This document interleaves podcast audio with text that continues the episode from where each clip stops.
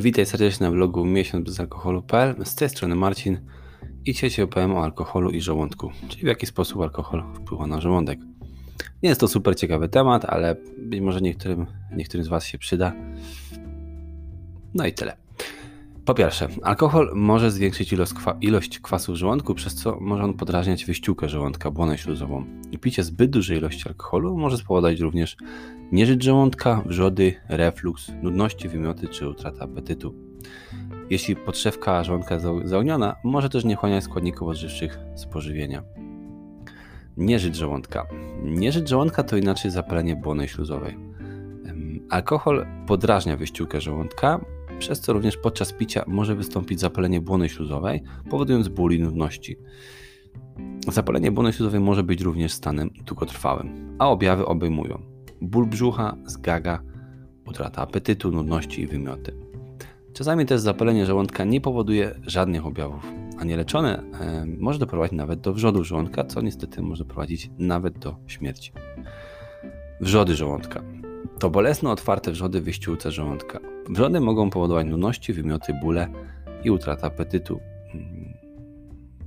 Alkohol może pogorszyć stan lub spowolnić proces gojenia, więc brak, pełna abstynencja jest e, obowiązkowa, kiedy faktycznie dana osoba ma wrządy żołądku. Reflux. Są to kwasy, e, kwaśne soki trawienne w żołądku, które mogą przedostać się do przełyku. Nazywa się to właśnie refluksem. E, pojawia się to wtedy, kiedy pijesz za dużo. E, refluks powoduje nieprzyjemne uczucie pieczenia zwane zgagą. Żylaki przełyku to z kolei powiększone żyły, które niestety ale krwawią, rozwijają się w ścianach dolnych partii przełyku, często są spowodowane marskością wątroby związaną z alkoholem.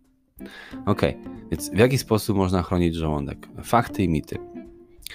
Być może słyszałeś sugestie, jak uniknąć rozstroju żołądka i złagodzić niekorzystny wpływ alkoholu na żołądek.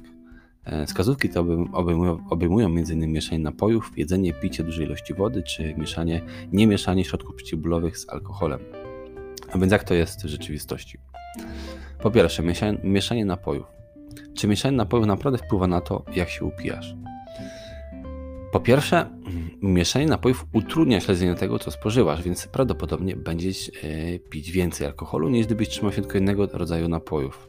Im więcej pijesz, tym większe prawdopodobieństwo, że będziesz chory fizycznie, czy już miał kaca. Jest jednak niewiele dowodów na to, że mogłoby to pogorszyć e, Twój wpływ, e, wpływ na żołądek. Środki przeciwbólowe. Pomimo faktu, że poprawiają samopoczucie w pulsującej głowie, leki przeciwbólowe mogą mieć odwrotny wpływ na żołądek. Środki przeciwbólowe, tak jak aspiryna, mogą dodatkowo uszkodzić wyściółkę jelit. Paracetamol jest skutecznym środkiem przeciwbólowym, ale zamiast brać pigułki, aby uspokoić rozwój żołądka po wypiciu, spróbuj na przykład filiżanki herbaty miętowej lub po prostu zapytaj się babci lub dziadka, co by ci poleciła. Trzecia rzecz, fakty dotyczące żywności. Zjedzenie czegoś, najlepiej pokarmu bogatego węglowodany, przed rozpoczęciem picia może spowolnić tempo wchłaniania alkoholu przez organizm. Picie wody lub napojów bezalkoholowych przez całą noc również powolni picie. Oba pomysły mogą ogólnie, mm, oba pomysły mogą pomóc ogólnie pić tobie mniej, zmniejsz, e, pić mniej, zmniejszając negatywne skutki alkoholu na żołądek. Ok, dzisiaj było krótko. Mam nadzieję, że Ci się spodobało. Jeżeli nie, to obiecuję, że kolejne nagranie będzie ciekawsze, czyli nie będziesz o wpływie na alkohol na zdrowie, tylko kolejne porady i wskazówki.